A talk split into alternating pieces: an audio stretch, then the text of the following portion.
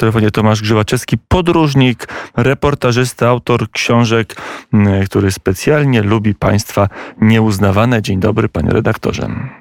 Dzień dobry panie redaktorze, witam państwa serdecznie. Albo państwa upadłe, albo państwa tworzące się dopiero. Białoruś, nie wiem czy jest już państwem upadłym, ale jest jeszcze państwem istniejącym. Formalnie jeszcze się nie połączyło z Rosją i e, cały czas zdaje się, że Aleksander Łukaszenka mniej więcej podejmuje czasami suwerenne decyzje. Jak na razie wypuścił trójkę polskich e, działaczy, działaczy mniejszości polskiej na Białorusi, między innymi Annę Paniszewą. To była osoba, która chyba jako pierwsza dostała się do aresztu w ramach obecnych retorsji wobec Polaków na Białorusi ze strony reżimu.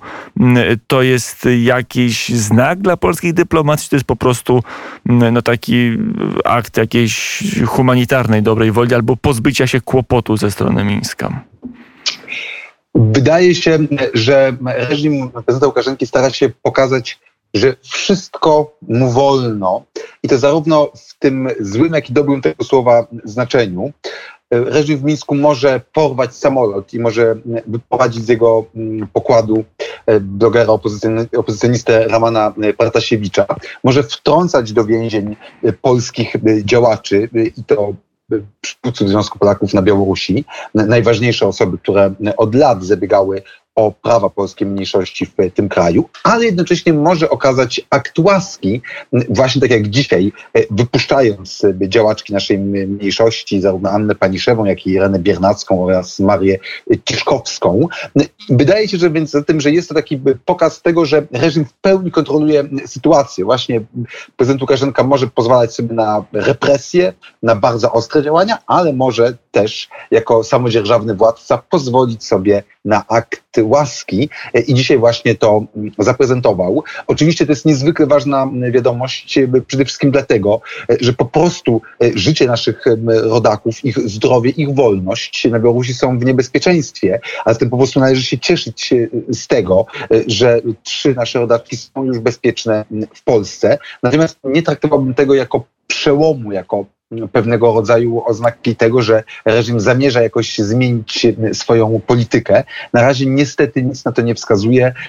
No, zobaczymy. Mam nadzieję, że tym ja się tutaj mylę i że faktycznie to jest jakiś zwiastun tego, że działania dyplomacji polskiej, że również być może te sankcje nałożone przez Unię Europejską przynoszą jakieś efekty. Wydaje mi się, że tak nie jest, ale oczywiście niczego nie można wykluczyć. Jak mówię, ja to raczej odczytuję jako pewien akt łaski samo, mm, samodzierżawcy, władcy, który teraz chce pokazać światu swoją ludzką e, twarz, w przeciwieństwie do oblicza, które pokazywał przez ostatnie miesiące, które było obliczem bardzo mrocznym. Mm, mamy w Polsce nową formę protestu, nową fazę e, działania części społeczności białoruskiej wobec reżimu. Tutaj mm, e, pani Jana Szostak jest twarzą tego protestu. Na ile takie, takie akcje jak Dekolt dla Białorusi, na ile to są akcje, które pana zdaniem mm, pomagają w tej walce, na ile przeszkadzają, na ile mm, tworzą poważny opór, a na ile właśnie tą powagę e, społeczności białoruskiej w oczach e, polskiej opinii publicznej odbierają. Panie redaktorze, pozwolę sobie nie komentować dekoltu pani Jany Szostak, bo nie jest on jednak w mojej ocenie sprawą polityczną. Natomiast ja uważam, Ale akcja protesty... dekolt dla Białorusi, która no, wciągnęła część społeczności białoruskiej, potem powiązanie trochę, bo tak e, działa środowisko, czy, czy, czy, czy środowisko, której ekspozyturą, czy częścią jest e, pani Jana Szostak, czyli powiązanie chociażby e, kwestii wolności na Białorusi z kwestią LGBT, to jest cały nurt, który jest obecny i który ostatnio Od... bardzo prężnie działa. Oczywiście to jest prawda i do tego chciałem nawiązać w drugiej części mojej wypowiedzi, że takie działania są e, moim zdaniem e, z dwóch stron, pod dwoma kątami szkodliwe. Po pierwsze, stanowią one dokładnie wodę na młyn e, łukaszenkowskiej oraz putinowskiej propagandy, która stara się przedstawić opozycjonistów, po prostu wolnych Białorusinów, tych obywateli, zarówno Białorusi, ale też Rosji, którzy domagają się wolności, jako e, działaczy no, różnego rodzaju skrajnie, my w Polsce byśmy powiedzieli, lewicowych ugrupowań walczących o prawa mniejszości seksualnych, seksualnych walczących w sposób bardzo agresywny o liberalne prawa kobiet i to wszystko grają w narrację o zgniłym zachodzie, tej tak zwanej gejropie, pokazując ich po prostu jako degeneratów, którzy chcą zniszczyć pewnego rodzaju tradycyjny sposób życia. Do tego myślę, że bardzo wielu mieszkańców Białorusi czy Rosji jest przywiązanych. Chcą tutaj wprowadzić to wszystko, co również budzi moje oburzenie, jeżeli chodzi o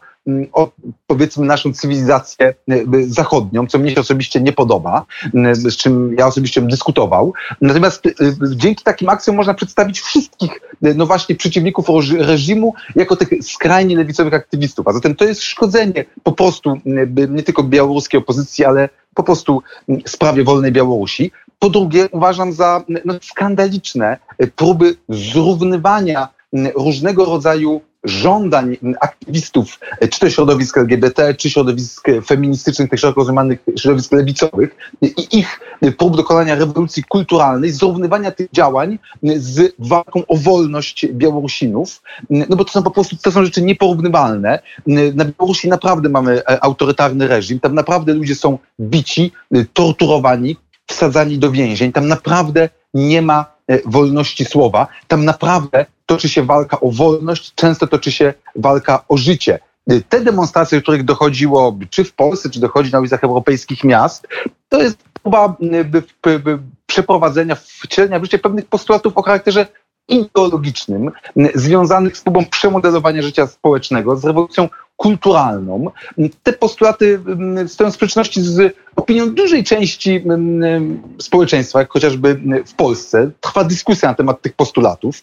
Ci aktywiści mogą wyrażać swoją opinię na ulicach, mogą demonstrować, nikim tego nie zabrania. Oni no właśnie żadnej, o żadną wolność walczyć nie muszą, bo oni tą wolność po prostu mają. A z tym stawianie znaku e, równości e, jest po prostu kłamstwem. I jak mówię, szkodzi y, po prostu tym, dla których wolność Białorusi jest ważna, szkodzi po prostu właśnie wolnym Białorusinom, ale też dodam trochę szerzej wolnym Rosjanom, bo pamiętajmy, że w Rosji też przecież są Rosjanie, którzy chociażby wyczyniali się w obronie e, Aleksja Nawalnego, którzy też nie zgadzają się z e, putinowskim reżimem. A zatem tego typu, tego typu działania, no moim zdaniem, są po prostu wodą na młyn e, zarówno Łukaszenkowskiej, jak i putinowskiej propagandy i jest to działalność po prostu szkodliwa. Mm, e, to jeszcze jeden e, akcent odnotujmy, bo mm, e, część Białorusinów pewnie żyjąc w Polsce myśli, że żyje w wolnym kraju, demonstruje, policja te demonstracje ochrania. Sam byłem na wielu demonstracjach i mm, nawet byłem naocznym świadkiem, jak Białorusini nagrywali filmiki na swoje media społecznościowe i mówili tutaj policja broni obywateli, a nie ich bije. No ale to może być tylko złuda, bo noblistka Olga Tokarczuk, pochodząca z Polski, pisząca po polsku, polsku powiedziała, że w zasadzie e, Warszawa i Mińsk niczym się nie różni, że i tu, i tu jest dyktatura, z którą Unia Europejska, z którą Bruksela powinny twardo walczyć. Wywiad, który ukazał Dla hiszpańskiego się... dziennika oczywiście. E, włoskiego, dla Corriera della... A, dla włoskiego, tak, jasne. Tak, to wywiad publikowany we włoskim dzienniku Corriera della Sera.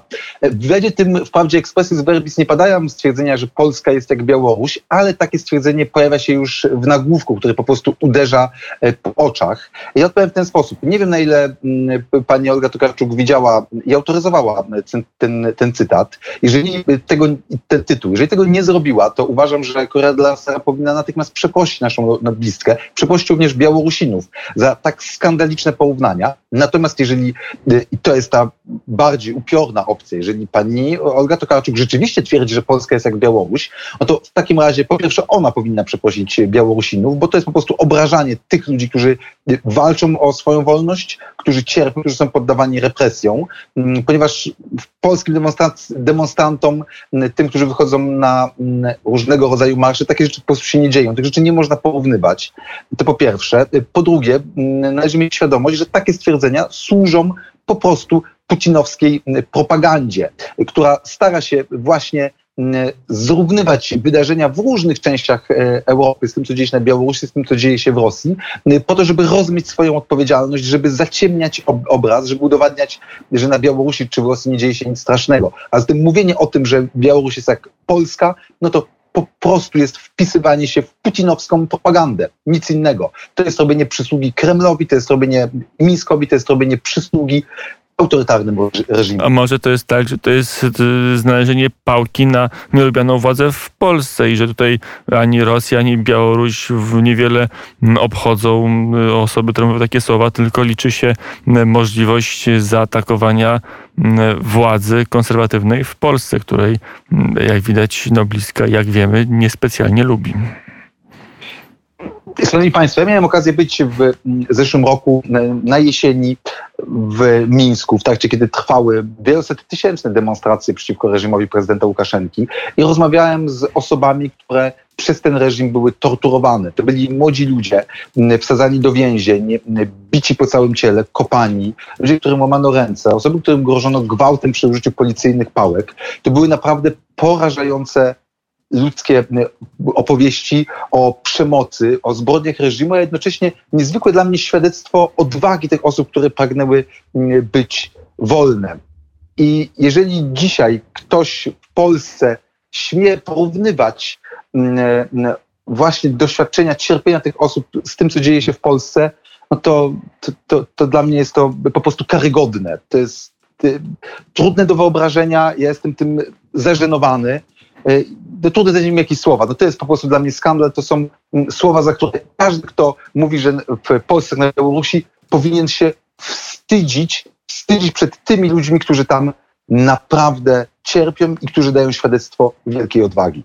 Mm, powiedział Tomasz Grzywaczewski, dziennikarz, podróżnik, autor mm, kilku już książek mm, i o Europie Wschodniej, ale też o państwach nieuznawanych. E, chyba najnowsza książka dotycząca Białorusi, dobrze pamiętam, wydana przez wydawnictwo Czarne, ale mogę się mylić, proszę mnie poprawić.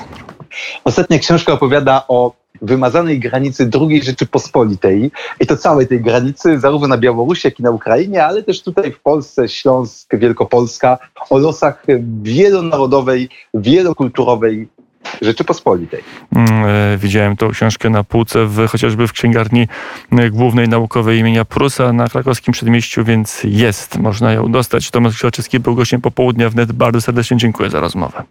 Bardzo dziękuję i pomimo tego trudnego tematu życzę Państwu dobrego popołudnia.